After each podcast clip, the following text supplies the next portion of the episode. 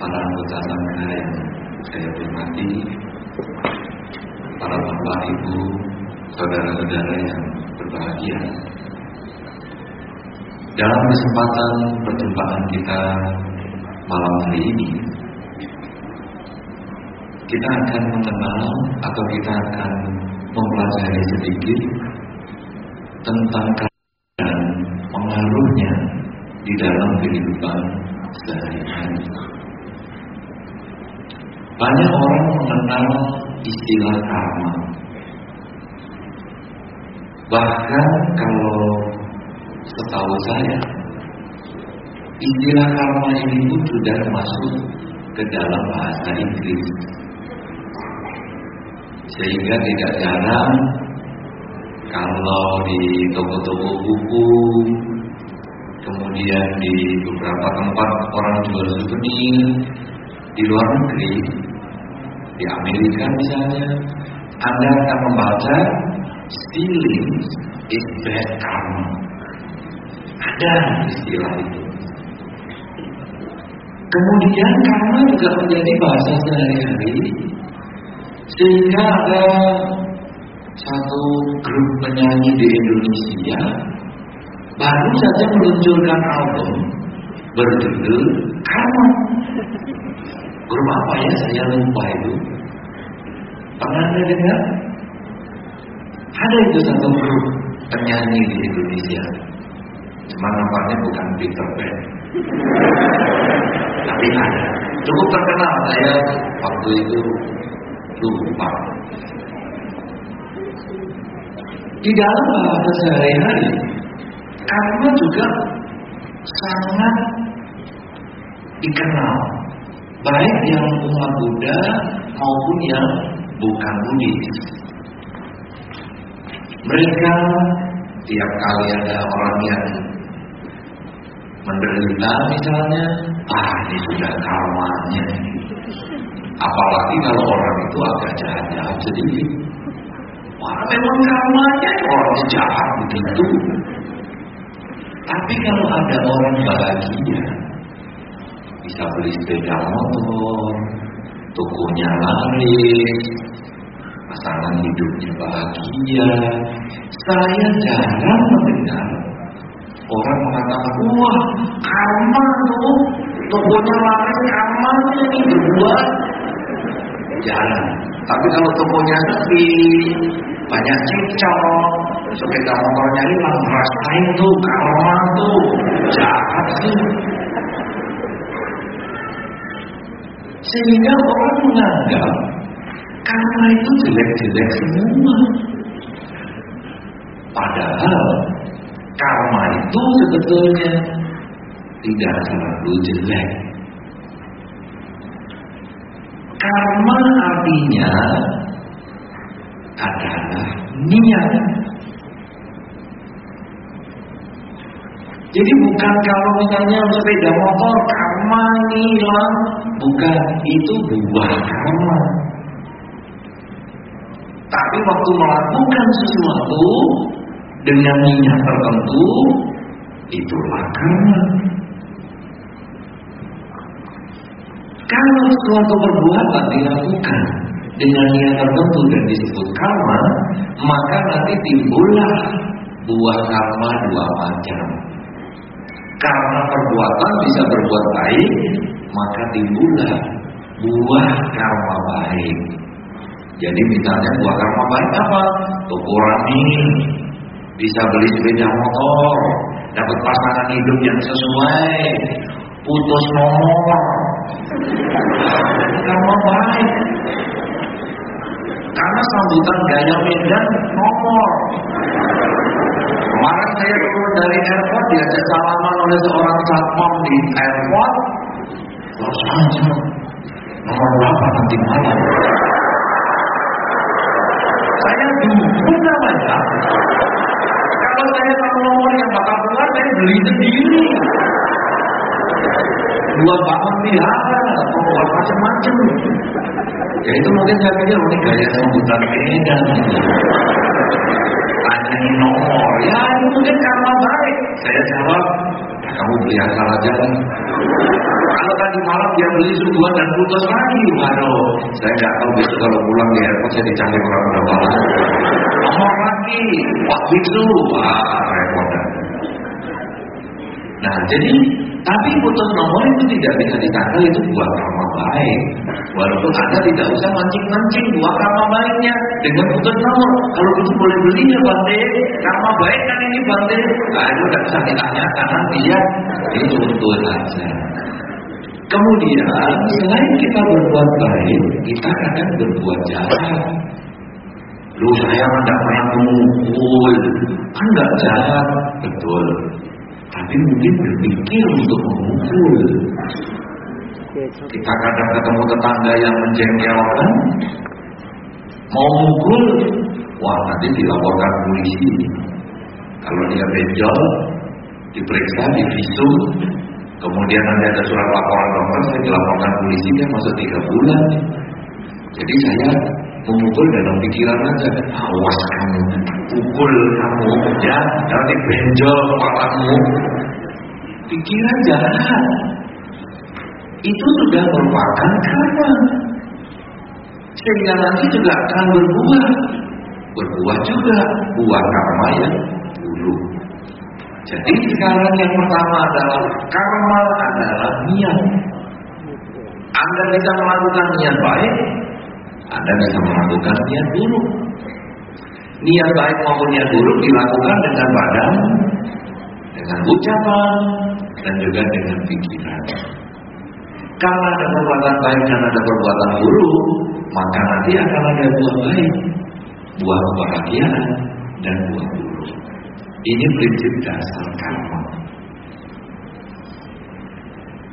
Kemudian banyak orang menganggap Karma sama dengan nasib Sama dengan takdir. Orang mengatakan Wah Bante Saya ini kok dari kecil kok menderita. Terus Apa ini karma saya Bante? Saya ini orang tua yang kurang bahagia. Saya sekarang hidupnya menderita jadi ini kalau saya pikir-pikir kok hidup ini karma buruk terus nanti. Apa ini karma saya? Apa ini nasib saya? Apa ini tidak bisa diubah? Apakah ini takdir saya? Suratan takdir katanya. Di mana suratnya takdir? Di mana ada suratan takdir? Di mana? Suratan takdir di mana? Di telapak tangan. Takdir saya bagaimana? Ini kan tahun baru, Imlek, sudah lewat ya, sudah lama. Tapi kan kalau menjelang menjelang tahun baru kan itu takdir saya tahun ini bagaimana Pergi ke tukang pam yang mana-mana. Ini karma saya bagaimana? Sehingga orang mengatakan, wah ini sudah suratan takdir di sini pada tahun ini Anda menderita, tapi suratan takdir yang ini wah bahagia dan seterusnya. Kita kadang menyamakan karma dengan takdir atau kodrat atau nasib. Aku kerja kok susah, nggak susah-susah. Sudahlah, kamu memang namanya juga tulang orang miskin. Kerja tetap bisa kalau sudah tulang kaya nggak kerja juga kaya raya. Jadi akhirnya kita merasa iya ya saya tulang miskin ya. Kalau sudah tulang tidak bisa diganti lagi tulangnya ya sudah. Aduh, saya berarti sampai mati miskin terus ini. Sudah. Takdir, takdir. Lalu menyalahkan aku dulu yang dulu ini karma apa nih? Kelahiran saya yang dulu ini berbuat apa sampai sekarang saya jadi tulang miskin. Bagi yang tulang kaya untung, aku terima kasih. Aduh, karma apa saya baik. Orang menganggap karma ini sama dengan takdir, sama dengan nasib yang tidak bisa diubah. Kalau sudah demikian, judul karma dan pengaruhnya di dalam kehidupan malam hari ini gak ada gunanya. Gak ada pengaruhnya. Itu udah jalani aja. Nanti pengaruhnya rasain sendiri. Tapi karena kita ini karma ini ternyata bisa di dimainkan. Karma ini kita bisa kalahkan, maka pertemuan pada malam hari ini menjadi penting artinya. Karena diharapkan setelah perjumpaan kita malam hari ini, kita nanti tahu bagaimana mengubah mengubah jalan hidup kita. Anda yang atau kita yang tulang orang miskin katanya kita ubah biar jadi tulang tidak terlalu miskin. Bagi anda yang sudah tulang kaya, wah biar menjadi orang yang tulangnya lebih kaya atau kaya tulang. Saya tidak tahu kaya tulang itu koleksi apa itu. Koleksi tulang gitu. Sekarang bagaimana? Karma, tadi saya sudah katakan itu adalah niat perbuatan. Sebetulnya karma hanya satu. Kita masing-masing punya karmanya masing-masing. Anda yang di sini punya karmanya masing-masing. Tetapi di dalam perkumpulan orang lain, karma kita ini saling bertemu. Sehingga orang bisa mengatakan kalau ada di depan hotel itu ya, misalnya tadi Anda menunggu teman Anda atau pasangan hidup Anda parkir mobil, Anda coba berdiri di depan pintu pintu tempat ini. Anda lihat orang yang liwat. Nanti di dalam batin Anda kadang muncul pemikiran, aku suka bersama orang itu. Padahal kenal aja tidak. Pernah ngalamin belum? Sering? Sering? Sering ada apa-apa. Ada gak usah malu. Itu bukan kesalahan loh. Aku suka sama dia. Suka kan tidak harus langsung mencintai kan. Tapi itu ada sebagai dasar kadang-kadang kita ini bisa jatuh cinta pada pandangan pertama ketemu di lapangan parkir.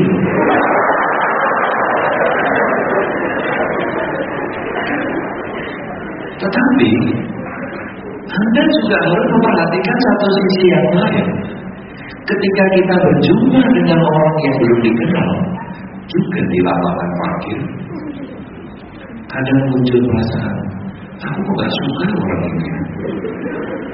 Padahal kenal nama juga enggak. Tahu orang tuanya juga enggak.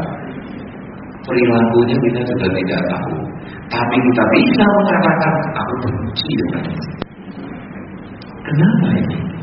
Ini sebetulnya karena kita ketika kamarnya masing-masing, kita bertemu di satu titik di lapangan parkir, ada kamar yang berdasarkan kebencian karena mungkin di kehidupan yang lampaunya kita sudah pernah benci sama dia, musuhan sama dia, tapi juga bisa karena cinta. Sehingga ketemu, kita jatuh cinta pada pandangan pertama, begitu dilihat, wah langsung yang kepala. Saudara-saudara, ini yang menunjukkan bahwa karma kita sendiri-sendiri ini bisa bertemu di satu sisi. Sekarang, pertemuan yang paling awal karma kita dengan orang lain adalah dengan orang tua. Kadang orang tua ketika mulai hamil ini sudah ada yang pernah hamil belum? Soalnya ini masih banyak yang muda daripada yang tidak muda. Siapa yang pernah hamil? Ada laki-laki kok tunjuk jari. Tapi apa? Anda membuat orang lain terkondisi seperti itu. Siapa yang pernah hamil bersama laki-laki? Laki-laki kalau hamil tidak pernah melahirkan, Yaitu yang sudah perutnya besar. Karena sudah jadi bos. Kadang ada yang pernah hamil, Anda bisa merasakan pertemuan pertama tadi. Begitu hamil, kadang-kadang muncul perasaan, aduh happy-nya, aku mau punya anak, happy sekali. Itu seperti Anda ketemu di lapangan parkir dan happy. Jatuh cinta pada pandangan pertama. Tapi tidak heran, hamil pertama Aku gak suka, belum siap. Ekonomi belum siap. Menikah pun belum. Kok hamil? Aduh, repot. Ekonomi belum siap, gak apa-apa, hamil. Belum buntutnya ini. Menikah juga belum. Orang tua juga belum tahu kamu. kamu hamil ya? repot kalau sudah begini jangan ya anak muda jangan begitu tapi ada kehamilan seperti itu kehamilan yang tidak diinginkan. Itu sama dengan pertemuan di lapangan parkir tadi. Begitu melihat sudah nggak suka. Sekarang si bayi ceritanya lain. Kalau tadi kan cerita dari orang tua. Si bayi lahir di orang tua tertentu itu tidak bisa memilih. Saudara-saudara, kalau Anda diberi angket, apakah kalau Anda bisa memilih, maukah Anda memilih orang tua Anda yang lain selain orang tua yang sekarang? Ada 50% menjawab mau. Saya mau jadi anaknya tetangganya saja. Dia lebih baik sama anaknya. Tapi ada 50 persen menjawab saya tidak mau. Kenapa? Yang saya tidak mau itu berkumpul sebagai anak karena dia cinta. Itu yang nanti diharapkan, ah anakku, nanti kalau lahir jadilah anak yang baik. Itu yang 50 persen. Jadi kalau kita tanya, mau ganti orang tua? Gak mau. Aku tetap orang tua yang ini. Nanti lahir lagi aku tetap yang ini lagi. Lahir lagi aku tetap yang ini lagi ini lagi. Oh tidak bosan-bosan. Tapi ada yang berkata, cukup kelahiran ini saja menjadi kelahiran ini pun hanya sekali ini pun sudah terlalu lama bagi saya. Jadi akan sudah lain kali kan. Lain-lain kalau menjadi anaknya tetangga. Kenapa? Karena itu pertemuan yang pertama. Kita tidak bisa memilih orang tua kita. Ini karma yang pertama. Yang di dalam bahasa kita disebut karma yang melahirkan. Kita terlahir dari orang tua tertentu adalah bawaannya kita. Bisa karena cinta, bisa karena benci. Karena karma ini menarik mereka yang cinta, sekaligus menarik mereka yang benci. Kalau Anda senang dengan anjing, maka kalau pulang dari suatu acara sampai di rumah, Anda yang Anda cari adalah anjing. Mana si Roni? Mana si Blacky? Mana si Blacky? Ada juga anjing dinamai mantan pacar. Saking bencinya dia menolak dirinya. Tapi sudah cinta mati-matian kok menolak sudah anjing orang lain. Pacarku. Jadi begitu pulang dipanggil nama pacar. Saya tidak panggil satu nama, nanti saya tahu di sini ada yang namanya. Wah, ketemu orang beda. Bisa pulang bahaya. Saya kalau dijadikan contoh, berarti saya keberatan ini. Contoh jadi anjing lagi itu bisa seperti itu. Panggil nama. Kenapa? Karena kita cinta. Kita cari anjingnya. Tapi kita benci dengan butuh anjing. itu juga ke mana mana kutunya dicari. Begitu bukan anjingnya langsung dicari kutunya. Kalau cinta pegangan dicari anjingnya untuk digendong, untuk disayang, sudahlah kalau si dia namanya si itu tidak mau jadi pacarku anjing inilah jadi pacarku digendong sana digendong sini karena kita sayang tetapi kalau kita benci, yang kita cari juga butuh sampai selit-selit ke kaki-kakinya anjing, sampai ke balik-balik buntutnya, sampai ke pangkal-pangkal buntutnya. Dicari itu butuh. Karena kita benci. Cinta dan benci saling mencari. Cinta kalau mencari untuk mendekat. Benci dicari untuk menjauhi. Tetapi nanti di dalam teknik karma ini, cinta dan benci akhirnya selalu mencari, selalu mendekatkan. Sehingga itu muncul dari pengalaman bertemu seseorang langsung suka. Karena itu cinta berdasarkan saling mencari. Bertemu seseorang langsung tidak suka. Itu ber, karena berdasarkan kebencian. Sekarang orang tua seperti itu, kalau kita memilih atau kita terlahir sebagai anak tertentu, kita tidak bisa milih, itu bagian karma kita. Dan karma yang melahirkan ini sekarang misalnya ada orang tua, orang tua pandai, kadang anaknya ikut pandai.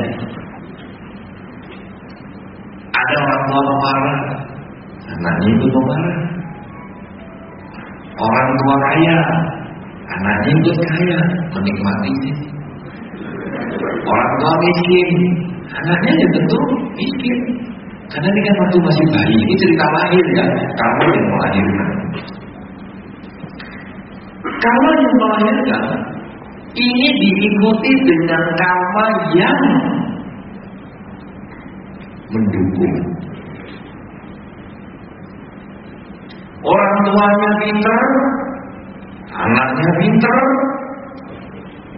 ganteng dan cantik. Ini mendukung. Banyak orang pandai, ganteng, cantik.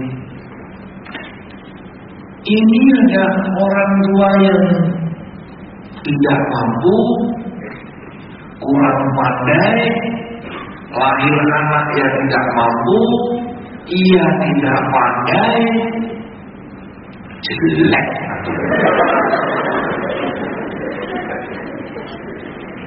Hidungnya tidak simetris, bibirnya. Ini bibir. Atau yang terbuka. Kuping tinggi sama rendah sudah itu agak pendek seperti Doberman dipotong itu karena yang mendukung yang pertama tadi lahir di keluarga bagus penampilan bagus. Yang kedua ini keluarganya sudah kurang bagus, penampilan juga tidak bagus. Ini adalah karma saudara. Tetapi selain ada karma yang melahirkan, ada karma yang mendukung, ada karma yang mengurangi.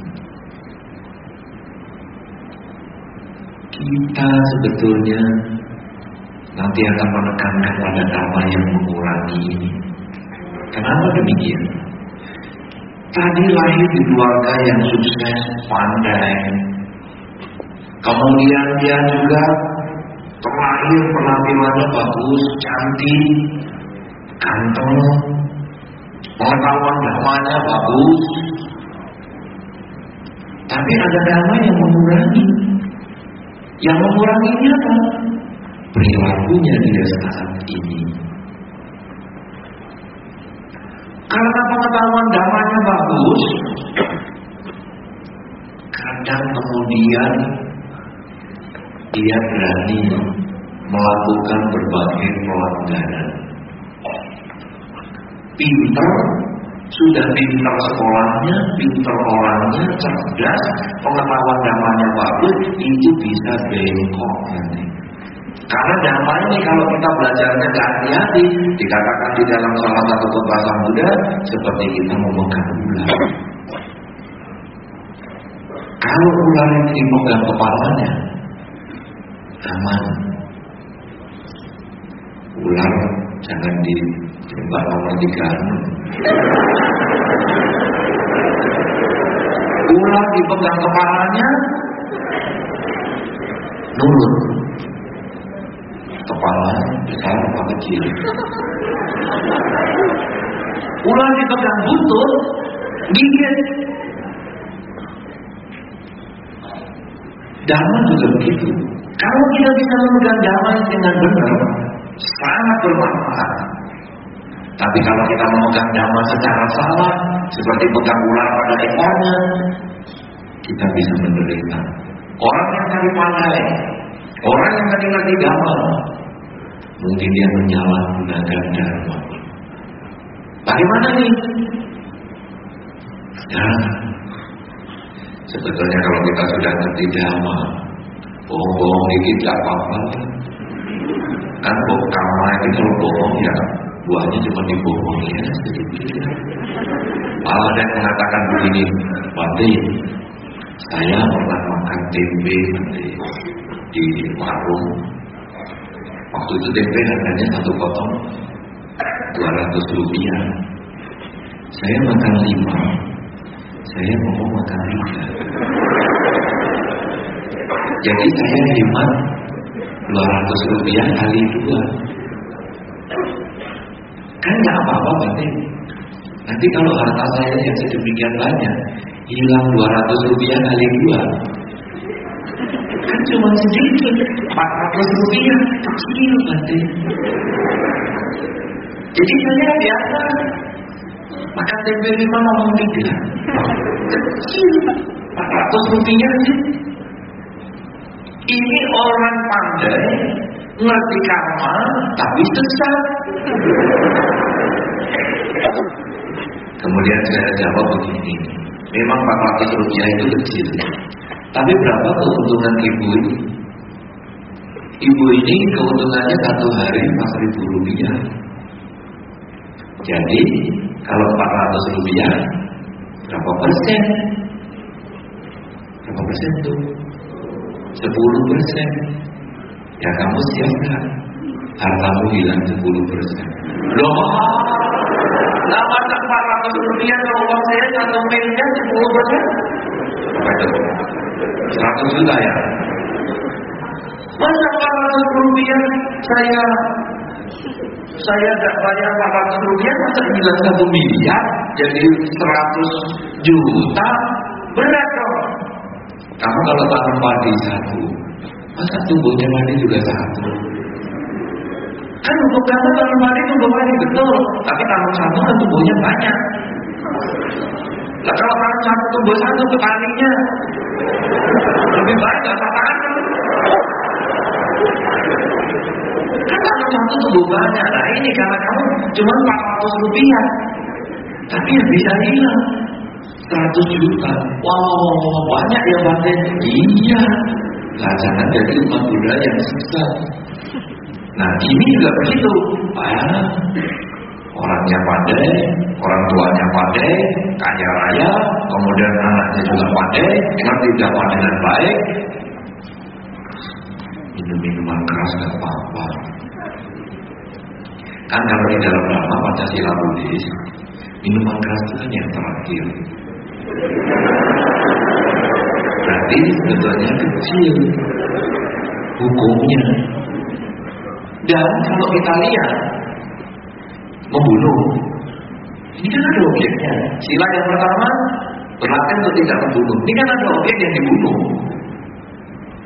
Yang kedua mencuri. Ada objek yang diambil barangnya. Yang ketiga berzina. Ada objek yang diperzinai. Dizinai. Yang keempat bohong. Ada objek yang dibohongi. Tapi kalau mabuk, kan saya sendiri. Jadi mabuk aman. Dan saya mabuk di kamar saya sendiri. Karena di dalam buku dhamma ada mabuk ini yang menimbulkan pembunuhan, pencurian. Karena bohong nggak mabuk-mabuk apa? Ya ini mau pencuri, membunuh, berzina dan bohong. Itu orang mabuk. Ya kan? Ada yang seperti itu. Nah di buku di ngomong begitu. Nah saya mabuknya kan di dalam kamar tertutup, kuncinya di dekat tetangga. Kan saya tidak mungkin membunuh. Saya tidak mungkin mencuri. Saya tidak mungkin berbohong. Saya juga tidak mungkin berzina. Jadi aman sudah. Ini orang pintar ngerti dhamma tapi sesat. Kalau sudah demikian, suatu ketika dia memang mabuk sungguhan, dia lupa dengan apa yang pintu terkunci dan sebagainya, dia keluar menyetir mobil atau menyetir sepeda motor, kecelakaan, koma, kepalanya kena koma. Apa gunanya kepandaian? Apa gunanya kekayaan? Akhirnya dia di rumah sakit. Itu namanya tidak mabuk-mabuan tadi menjadi karma yang mengurangi. Mengurangi karma yang sedang berjalan. Yang tadi disebut karma baik. Orang tuanya pandai, kaya raya, dia lahir di situ. Itu karma yang melahirkan. Kedua, dia lahir dalam bentuk fisik yang bagus. Itu karma yang mendukung. Tapi perilakunya dia jelek. Walaupun ngerti damai, perilakunya jelek, suka mabuk-mabukan. Ini karma yang mengurangi. Akhirnya dia menjadi kecelakaan, koma, misalnya naik tangga, karena mabuk, tangganya masih naik, dikira sudah rata. Jatuhnya, kepalanya kena benturan, kemudian dia koma mengubah karmanya. Lah, kemudian setelah sembuh dari komanya, dia jadi orang yang melupa. Ditanya namanya siapa? Siapa ya dulu namanya? Orang tuanya mana? Tidak tahu. Kenapa? Dia sudah kena karma yang memotong. Sebaliknya tadi ada orang yang kurang mampu. Dia lahir di keluarga tidak mampu. Didukung dengan kelahiran dengan fisik yang kurang sempurna. Bibir seperti kaleng, hidung seperti tutup botol, kuping seperti nyamur, mata seperti kain sobek. Aduh repot. Tapi orang ini perilakunya baik. Dia ngerti dhamma, dia belajar dhamma, dia melaksanakan sila dengan baik. Dia suka menolong orang, walaupun orang yang ditolong kadang takut dengan wajahnya, tapi dia menolong orang banyak. Sampai suatu ketika orang yang ditolong itu merasa hutang budi dengan dia. Kemudian dia mungkin sudah kamu tinggal di mana? Saya tinggal di rumah kardus. Loh, kok kayak judul sinetron? Iya, memang saya rumahnya dari kardus dan tidak main sinetron. Kalau gitu kamu karena kamu baik, kamu tinggallah di rumah saya. Saya punya rumah kosong. Saya di, di, di sini saya punya rumah tiga dan saya kan tiap hari kan hanya bisa pakai satu. Saya tidak bisa tidur di rumah ini, makan di rumah sebelah, kemudian mandi di rumah yang lain tidak bisa. Jadi rumah saya ada satu kosong, kamu pakailah. Orang yang dulunya kurang mampu, orang yang dulu penampilannya tidak bagus, karena perilakunya bagus, akhirnya dia malah sekarang bisa meninggali rumah. Kemudian dia tinggal di rumah itu, dia rawat rumahnya dengan baik. Dalam berapa tahun rumahnya bersih, bagus, akhirnya bosnya tadi datang, wah rumahnya bagus ya, mau kamu ambil apa? Aku gak punya uang. Sudahlah karena kamu pernah menyelamatkan saya Waktu saya dulu kecemplung ke sungai Yang Airnya kencang sekali, saya tidak bisa berenang, kamu bisa selamatkan saya, sudahlah rumahnya kamu ambil aja. Akhirnya orang ini bisa berubah karmanya. Orang mengatakan dia tulang miskin. Orang tuanya miskin, dia anaknya orang miskin. Tetapi karena perilakunya baik, tulangnya berubah tidak terlalu miskin. Sekarang punya rumah sendiri. Mungkin kalau bosnya bagus, dia malah dikawinkan juga. Bisa saja kamu pengen kawin sama siapa, sini tak biayai. Kamu pengen buka usaha apa, mau warung kan, mau apa, saya kasih modal. Akhirnya dia bisa berubah. Siapa yang membuat berubah? Dirinya sendiri. Oleh karena itu saudara-saudara, karma, suratan karma, suratan takdir, nasib memang ada di lapak tangan kita. Kita dikatakan, wah ini kamu lahirnya mestinya miskin, yang ini satunya wah kaya dan sebagainya. Tetapi lihat perbuatan kita. Perbuatan yang berniat kita ini apa yang kita kerjakan? Apakah kita mengembangkan kebajikan? Mengembangkan kebajikan dengan badan kita, mengembangkan kebajikan dengan ucapan kita, mengembangkan kebajikan dengan pikiran kita. Kalau kita melakukan itu, yang dulunya menderita menjadi kurang menderita. Tapi yang dulunya bahagia menjadi lebih berbahagia. Kita bisa mengubah karma kita. Karena itu karma dan pengaruhnya dalam kehidupan. Artinya apa? Perbuatan kita yang kita lakukan dengan badan, ucapan dan pikiran itu bisa mengubah jalan hidup kita. Makanya kita harus berhati-hati. Jangan sembarangan melakukan kejahatan, sekalipun dengan pikiran. Kejahatan dengan badan, kejahatan dengan ucapan, itu gampang dihindari. Anda kumpul begini saja, kejahatan dengan badan dan ucapan, tidak Anda lakukan. Anda lihat handphone teman Anda dan Anda tertarik. Tapi karena begini, Anda tidak mau mengambil handphone Anda. Handphone teman Anda itu. Wah handphonenya bagus. Sayangnya ketemunya di acara beginian. Kalau mungkin di gedung bioskop sudah saya gitu. Jadi perilaku kita memang tidak mencuri, tapi pikiran kita sudah mencuri itu. Dan itu perilaku yang diniati, itu karena buruk lewat pikiran. Kata-kata juga begitu. Teman di sebelah ini baunya luar biasa. Nampaknya dia belum mandi, dari pasar. Kita sudah jengkel, tapi ini kan acara begini ya saudara. Semoga jadi pertemuan ini dan saja ketemu. Gak ngomong apa-apa. Memang karena buruk lewat ucapan tidak diekspresikan. Anda tidak berani mengekspresikan nyalimu. Ya ekspresikan nyalimu. Anda tidak berani mengekspresikan nyalimu. Tetapi di dalam pikiran Anda, hmm, ada warna baunya ya. Pikir-pikir bagi pikiran Anda.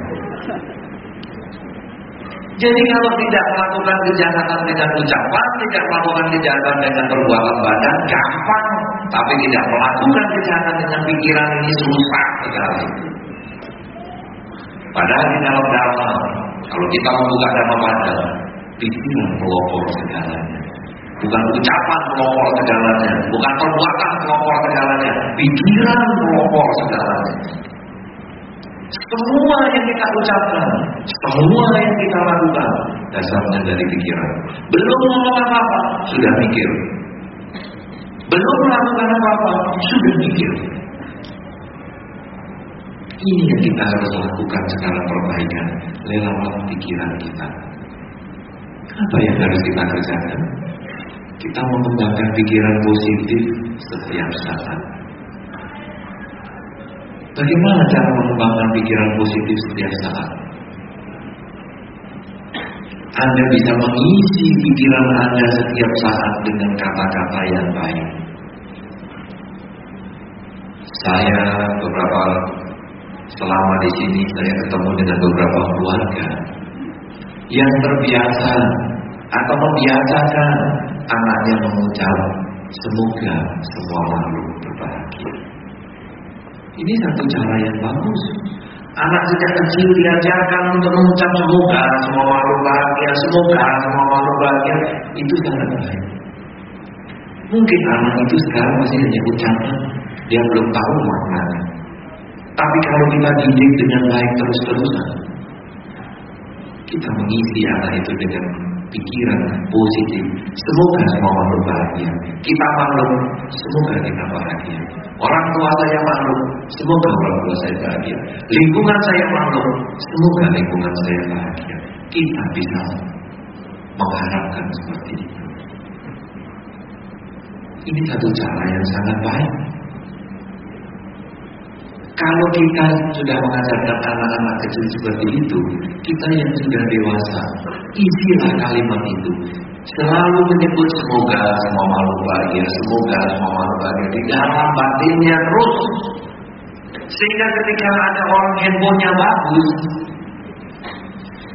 aduh, handphone bagusnya semoga, semoga. Kita merasa bahagia ada orang punya handphone bagus. Kenapa kita harus membenci dia? Kenapa kita berusaha? Saya ambil apa yang Nah, biarlah semoga semua makhluk bahagia. Tempat sebelah ini baunya kok luar biasa. Ya, semoga semua makhluk bahagia. Semoga semua makhluk bahagia. Eh, malah sekarang bukan bau pakaian, bau gas. Ya, semoga makhluk bahagia. Kasihan daripada di kamar akhirat, ya nanti sakit perut semoga makhluk Pikiran kita positif, pikiran kita baik, ketika kita menghadapi berbagai masalah, kebahagiaan orang punya handphone, kita memandang dia dari sudut positif, bukan karena iri hati. Melihat orang menderita, bukan kita mengejek, tapi kita juga mengharap semoga semua makhluk bahagia supaya dia suatu ketika memperoleh kemajuan dan kebaikan. Ini adalah salah satu cara membuat umat Buddha berpikir yang baik. Pikiran yang baik otomatis nanti ketika omongan, perbuatan dilakukan, dia juga akan bisa melakukan yang baik. Dia tidak lagi berpura-pura. Tapi kalau pikirannya saja masih jelek, maka senyuman, perilaku fisik itu kadang hanya bersifat pura-pura. Tersenyum, seperti kalau suami istri sedang cekcok dan ada tamu, itu kadang pura-puranya muncul di sana. Ada cekcok sekali luar biasa. Ada tamu datang ke pintu, diam. Diam, diam. Mertua datang. Yuk, ya baik, sama mertua. Nah, sudah mertua pulang, lagi. Ronde kedua. Kenapa kita harus bersifat munafik seperti itu? Kenapa kita harus berpura-pura yang menimbulkan sakit di hati? Kita akan bisa mengucapkan semoga semua makhluk bahagia. Sehingga akhirnya keinginan untuk menyakiti orang lain itu tidak akan termasuk itu pasangan hidup kita. Karena menyakiti orang yang kita sayangi sesungguhnya adalah seperti menyakiti diri kita sendiri. Tapi kadang orang lupa Pokoknya kalau sudah bisa ngomong yang menyakitkan pasangan hidup dan dia bisa terpikir berhari-hari sampai menangis keluar air mata, hmm, rasain karma. Lupa dirinya bikin karma buruk. Lupa orang lain yang di sana rasain karma. Makanya jangan berani-berani sama saya. Apa bangganya bikin orang menangis? Apa bangganya bikin orang bersedih? Apalagi itu orang yang kita sayangi, apalagi itu orang yang kita cintai. Kenapa? Karena kita punya pikiran yang jelek. Tetapi kita sudah membiasakan anak-anak semoga semua bahagia. Kemudian kita yang sudah dewasa juga mengisi kehidupan kita dengan semoga semua bahagia. Maka kalau pasangan hidup kita ribut-ribut, pasangan hidup kita memancing-mancing kita jengkel, memancing-mancing emosi kita, nah sudah semoga kamu bahagia. Kamu pengen apa sih? Pengen aku jengkel? Nah sudah, semoga kamu bahagia dengan keinginanmu, tapi aku gak ikutin. Sadarilah keinginanmu sudah benar. Ketika kita sedang naik mobil dipotong orang, tua biasanya kita maki-maki jual bahasa kaki empat kaki berapa saja kalau kaki seribu kaki seribu. Kalau kaki empat kurang kaki seribu. Nah sudahlah semoga semua malu bahagia. Siapa tahu di dalam ada orang sakit perut mau cepat pulang. Kalau sudah begitu, pikiran kita lega. Hidup di dunia ini kita akan mencari bahagia. Tetapi bahagia bukan dicari di luar diri kita. Kebahagiaan itu ada di dalam diri kita. Kebahagiaan itu ada di cara kita mengubah cara berpikir kita. Makin kita pandai mencari cara mengubah pikiran kita, makin bagus menghadapi pasangan hidup yang menjengkelkan kita tidak mengatakan kamu ini dulu waktu pacaran kok tidak menjengkelkan? Sekarang sudah jadi pasangan hidupku tiga tahun suka menjengkelkan. Tahun begini aku dulu gak mau sama kamu. Saya sudah punya anak dua. Terpaksa dari jalan kalau kita seperti itu hidup di dunia tidak bahagia. Tapi kalau kita berpikir yang lain Ih, untung pasangan hidupku ini menjengkelkan. Kenapa? Mengurangi karma burukku. Makin dia sering aku jengkel sebetulnya, ya makin dia aneh-aneh karma burukku bisa berkurang. Tapi kalau aku bisa memaafkan dia, ini guru kesabaran. Jadi begitu istri atau suami menjengkelkan, terima kasih guru kesabaran. Kalau kamu tidak ada sebagai pasangan hidupku, kapan aku berlatih kesabaran? Terima kasih. Nanti yang menjengkelkan itu aja lebih baik. Akhirnya dia juga mengatakan terima kasih suamiku, terima kasih istriku. Kamu juga guru kesabaran untuk aku. Kenapa? Karena itu sudut pandang kita. Oleh karena itu saudara-saudara, karma itu sebetulnya kita yang membuat sendiri. Bahkan kalau kita sering mengatakan hidup di dunia kok menderita ya, sebetulnya itu hanya dari sudut pandangan kita. Kacamata yang kita gunakan itu apa? Kalau kacamata yang kita gunakan itu kacamata ribet, ribet warnanya hijau, lihat apa-apa hijau semua. Tembok putih pun jadi hijau. Tapi kalau kacamata kita ini netral, maka kita akan bisa melihat dunia ini juga kita netral. Ini sebetulnya adalah sudut pandang. Lu bagaimana bangsa orang sakit kok disebut harus berpikir netral. Sakit kan untuk saya sakit jadi istriku bisa merawat aku dengan baik.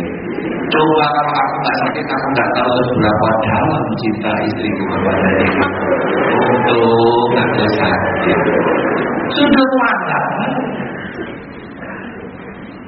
Makin anda pandai berpikir positif, apa saja penderitaan yang ada adalah kebahagiaan. Seperti misalnya apa? Tidak naik kelas. Ya, tidak naik kelas ini kapal buruk belum tentu. Tidak naik kelas dalam kesempatan belajar lebih banyak. Yang lain cuma setahun lulus lupa. Dia bisa dua tahun, bisa tiga tahun. Ya, bagus juga lah. Tapi kalau terus-terusan, ya anaknya suruh ke sekolah sendiri. Ya papa-papa mana sanggup kelas enam aja tiga tahun. Lebih lama belajarnya. putus cinta lagi, putus cinta, cari pacar, putus lagi, nyarinya susah, investnya mahal, putus lagi. Ya, jangan putus asa karena ini adalah kesempatan memperluas wawasan. Ternyata di kota ini banyak orang wataknya macam-macam. Saya baru tahu setelah saya putus cinta, putus cinta, putus cinta. Kalau sekali dapat langsung pacaran langsung dapat, saya hanya tahu dia. Tapi putus lagi, putus lagi, saya tahu 10 orang lumayan. Lebih banyak pengalaman. Jadi tidak ada penyesalan. Tapi bagi yang ketemu sekali apa? Waduh kalau ketemu sekali berarti rugi dong. Kesempatannya hilang. Tidak, tidak. Kesempatan mencintai yang sudah didapat lebih lama. Jadi ada bagusnya juga. Sekali ketemu langsung jatuh cinta, langsung jadi pasangan hidup. Aduh, berarti aku lebih lama bisa lebih menyayangi dia. Tapi kalau putus lagi, putus lagi, sampai putus 10 tahun untuk mencari pasangan hidup, aku berarti lebih banyak mengenal watak orang di sekitar saya. Aku juga. Yang ini dulu mau jadi mertua, tak jadi. Oh bagus, itu saya jadi orang tua angkat sudah punya. Sekarang yang ini mau jadi mertua lagi, tak jadi lagi punya orang tua angkat lagi. Di sana lagi. Jadi aku tidak nyebut papi mami, ada 10 keluarga Aduh, ke mana-mana orang tua saya. Itu bahagianya. Itu kalau lihat dari sudut positif. Tapi kalau dilihat dari sudut negatif memang menderita. Pacaran tidak jadi, pacaran tidak jadi. Apa kamu ini memang tulang tidak punya pacar? Padahal cari pacar itu lebih gampang daripada cari duit. Cari duit dari pagi sampai malam belum tentu ketemu duit. Tapi cari pacar lawan jenis, melek mata sampai tutup mata, mesti ketemu lawan jenis. Apakah itu orang tua kita, apakah itu adik kita, apakah itu tetangga kita, atau itu anjing kita. Tapi itu lawan jenis. Nah, jadi tinggal milih kita. Ya tentu jangan milih si. Tapi kita kan bisa memilih. Kok sulit membantai dari pasangan hidup? Sebetulnya kenapa sulit? Karena Anda sudah menentukan pasangan hidup sendiri. Di dalam pikiran Anda. Sama dengan Anda pergi ke restoran. Pada saat Anda memesan nasi goreng di restoran, Anda sedang menggoreng nasi itu di dalam pikiran Anda sendiri. Nasi goreng kriterianya adalah seperti ini. Harus seperti itu. Tapi di Jawa nanti Anda ketemu nasi goreng dicampur dengan mie. Di sini ada enggak? Tidak ada kan? Nanti Anda ketemu di Jawa nasi goreng dicampur dengan mie. Itu Anda bisa bingung. Kenapa? Karena Anda sudah menggoreng nasi itu sendiri. Jadi begitu keluar yang ada minyak, ini bukan yang saya pesan. Ini nasi apa? Nasi goreng itu ada minyak. Untuk nasi goreng dicampur mie. Nasi goreng dicampur bakso, buat jadi apa itu? Nah, itu sebetulnya adalah karena kita sudah menggoreng membuat kita sulit untuk mendapat yang cocok. Pasangan hidup juga sama. Karena kita mencari pasangan hidup itu di dalam pikiran sudah ada. Saya mau cari pasangan hidup yang tenang. Tidak suka bepergian. Saya tidak kepingin ditinggal-tinggal. Dua, selain dia tidak suka bepergian, dia pandai. Dalam bahasa selebritis kalau mau cari pasangan hidup smart katanya. Ngomong pandai aja pakai smart.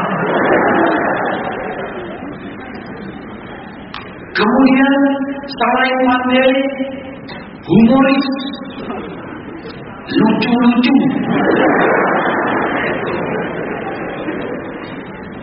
Kemudian selain pandai lucu, tidak suka bepergian, pandai menyanyi. Anda tidak mencari pasangan hidup Anda mencari televisi. Televisi tidak pernah bepergian. Televisi pandai, apa saja bisa, wait bisa.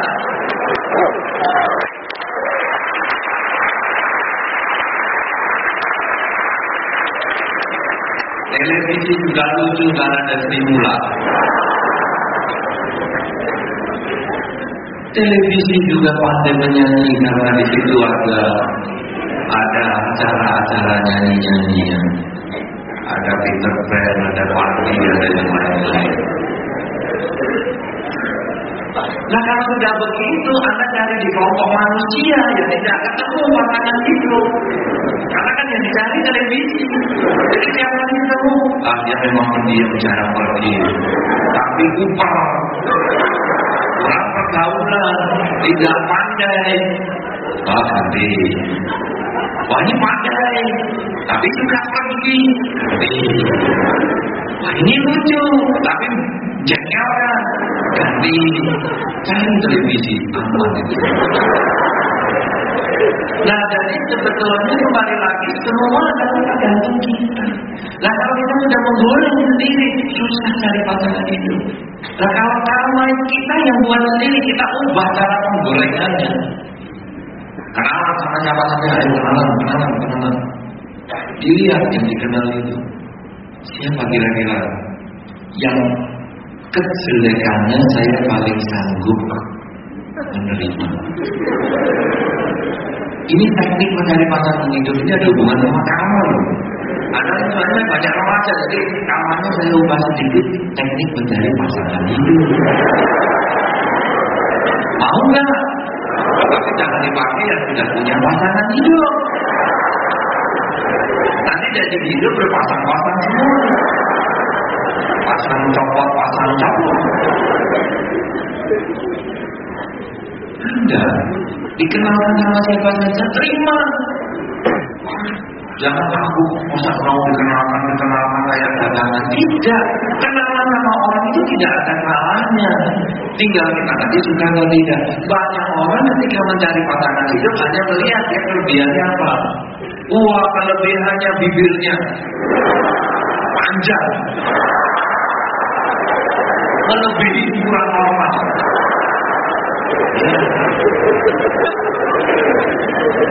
Itu kelebihan sungguh-sungguh gitu.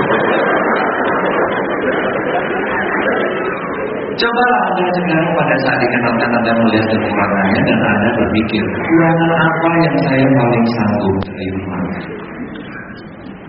Dikenalkan lima orang.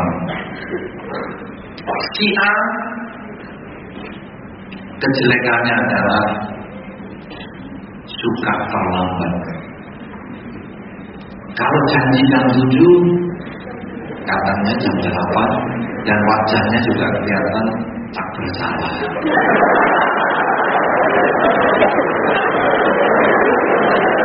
Si B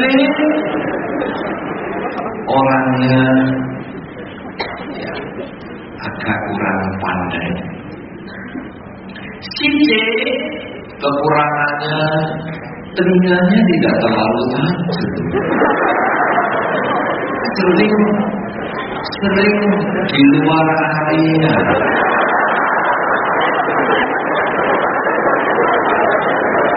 Jadi tiap kali diajak ngomong nggak nyambung karena di luar area betul-betul sinyal tidak kuat.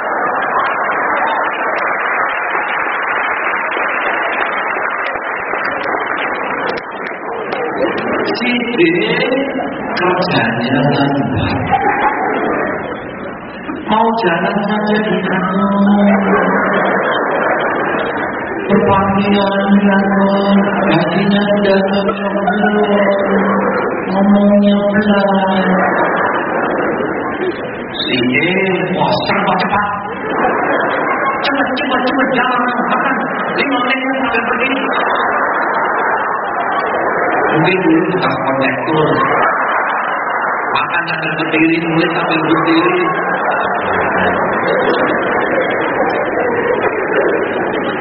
Sekarang kita lihat kekurangannya ini. Mana yang kita paling siap menghadapi kekurangan?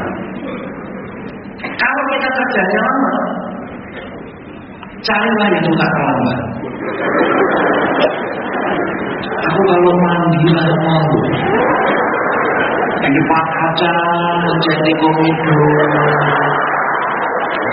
drama lama saya pengen yang suka terlambat. Jadi jam tujuh dia belum datang, aku memang masih baru cari. Apa? Cocok. Aku ini orangnya juga karena aku juga orang cari yang suka omongannya menyakitkan. Karena dia ngomong apa aja mungkin gue pikirin. Karena aku gak dengar. Omongannya banyak gak dengar. Cari yang suka menyakitkan itu. Agak jauh-jauh dikit. Tidak usah pakai alat mendengar atau atau kalau dia ngomong ya kita punya alat mendengar dia menjengkelkan alat mendengarnya dikecilin atau saya saya misalnya orangnya agak kurang disiplin. Cari yang suka buru-buru. Cepat cepat cepat cepat jadi disiplin. Kalau kita pandai mencari kekurangan orang itu dan bisa menerima itu sebagai pasangan hidup bingung nanti memilih siapa yang paling cocok untuk saya. Si A oke punya jadinya si B nya juga cocok kekurangannya saya bisa terima. Si C si D aduh ada bisa wah untuk itu. Ada bisa gambarnya si A sama si B dilempar yang buka akar klik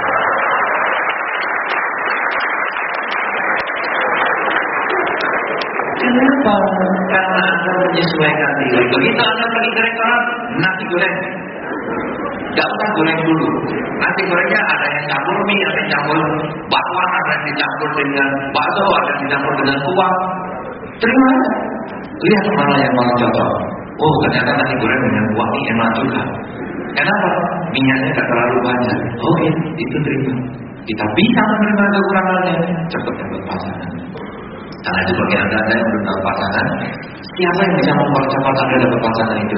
Anda sendiri. Apa itu karma anda sendiri? Karena itu karma dan pengaruhnya dalam kehidupan itu besar sekali. Perbuatan kita, usaha kita, perjuangan kita. Kalau anda bisa lakukan itu, hidup di dunia bahagia. Siapa yang bikin bahagia? Diri kita sendiri. Karena itu sekarang karma adalahnya ada karma baik dan karma buruk dan kita dalam berkumpul dengan orang banyak ternyata ada karma yang empat macam karma yang melahirkan karma yang mendukung karma yang sudah melahirkan tadi yang jelek tambah jelek yang baik tambah baik ada yang mengurangi yaitu perilaku kita sendiri perilaku baik akan memperbaiki karma yang sudah baik perilaku jelek akan memperburuk karma yang sudah baik kemudian ada karma yang memotong Dulunya bahagia, kalau perilaku kita banyak jelek, jadi menderita. Kalau dulunya menderita, banyak perilaku baik, hidupnya lebih bahagia. Kalau sudah demikian, kita kemudian mengembangkan cara berpikir yang positif, karena itu adalah bagian dari karma kita. Pikiran positif menimbulkan ucapan yang positif, juga perbuatan yang positif. Pikiran yang positif caranya adalah sering mengembangkan kalimat Semoga semua makhluk berbahagia Semoga semua makhluk berbahagia Semoga semua makhluk berbahagia Itu yang terus kita bacakan Sehingga nanti ucapan kita otomatis. Kadang-kadang lebih setara sejajar dengan kalimat semoga semua makhluk bahagia. Demikian pula dengan perilaku kita. Kita pun selalu berusaha untuk membahagiakan lingkungan kita. Dengan demikian karma sangat besar untuk perilaku kita. Sangat besar pengaruhnya untuk jalan hidup kita. Karena itu berbuatlah kebajikan banyak-banyaknya dengan pikiran ucapan dan perbuatan badan kita sehingga akhirnya kebahagiaan menjadi milik kita karena karma berpengaruh untuk kehidupan kita inilah yang saya sampaikan dalam kesempatan pada malam hari ini. Semoga Anda bisa menjadi membawa bekal, mendapatkan bekal Ini yang harus saya lakukan, mengembangkan kebajikan dengan pikiran, ucapan, dan perbuatan untuk mengubah keburukan menjadi kebaikan, kebahagiaan menjadi lebih berbahagia. Semoga Anda berbahagia, semoga semua makhluk, bagi yang tampak maupun tidak tampak, memperoleh kebaikan dan kebahagiaan sesuai dengan kondisi karmanya masing-masing.